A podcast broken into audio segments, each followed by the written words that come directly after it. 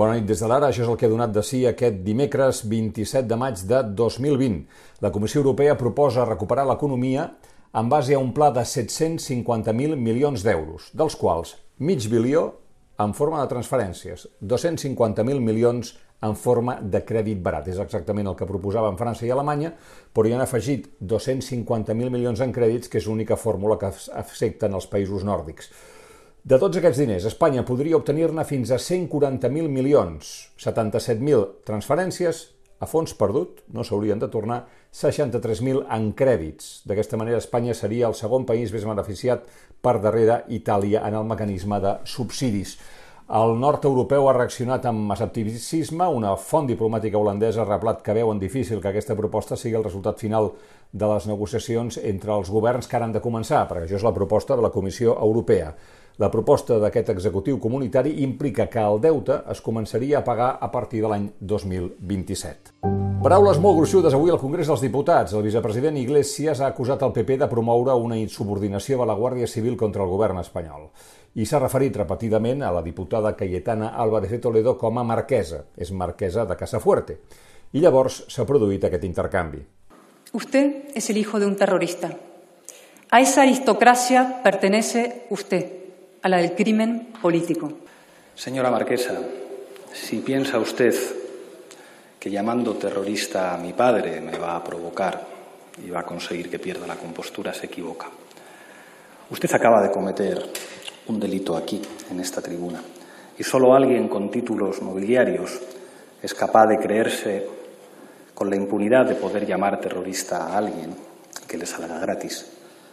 Por lo tanto, invitaré a mi señor padre a que ejerza las acciones oportunas. La presidenta del Congrés, Meritxell Batet, ha ordenat treure l'insult de l'acte. El nombre de morts per coronavirus ha augmentat aquest dimecres en 277 a Catalunya. La xifra arriba a 12.154 defuncions.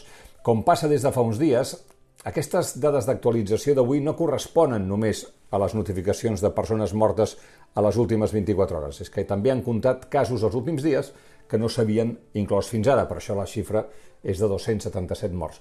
Per la seva part, a Madrid el Ministeri de Sanitat ha notificat 39 defuncions en els últims 7 dies, però per raons semblants, en el còmput total només n'ha sumat un més que ahir. Per tant, la xifra passa a ser 27.118 defuncions a Espanya. El govern espanyol ha publicat al BOE l'eliminació a partir d'avui de les franges eh, per fer esport, per passejar i pels menors als municipis que hagin passat a la fase 2. Fase 2 anuncia també que permetrà sortir al carrer més d'una vegada al dia i es manté eh, les franges per la gent gran. Pel que fa a les platges, seran els ajuntaments els que podran establir limitacions d'accés i d'aforament per assegurar la distància interpersonal que ha de ser com a mínim de dos metres entre banyistes. La ministra de Treball, Yolanda Díaz, ha assenyalat que les empreses que estiguin en risc de concurs eh, i s'hagin acollit expedients de regulació temporal d'ocupació per causa de força major no estaran obligades a complir amb la clàusula de salvaguarda de l'ocupació que els compromet a no acomiadar durant sis mesos. El govern espanyol ha pactat amb el PNB transferir a Euskadi Navarra la gestió del nou ingrés mínim vital, que aprovarà en un Consell de Ministres aquest divendres. Segons l'acord, el govern espanyol té ara mesos per transferir la gestió fins a finals d'octubre i la formació basca considera es tracta d'una fita política en un context de, diu, temptacions recentralitzadores.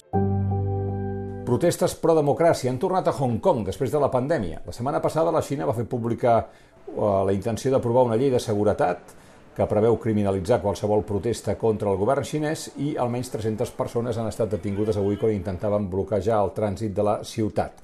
En concret, d'aquesta llei hi ha l'anomenada llei de l'himne nacional, que proposa penes de 3 anys de presó i multes de fins a 6.000 euros per qui no respecti la marxa dels voluntaris, l'himne nacional xinès.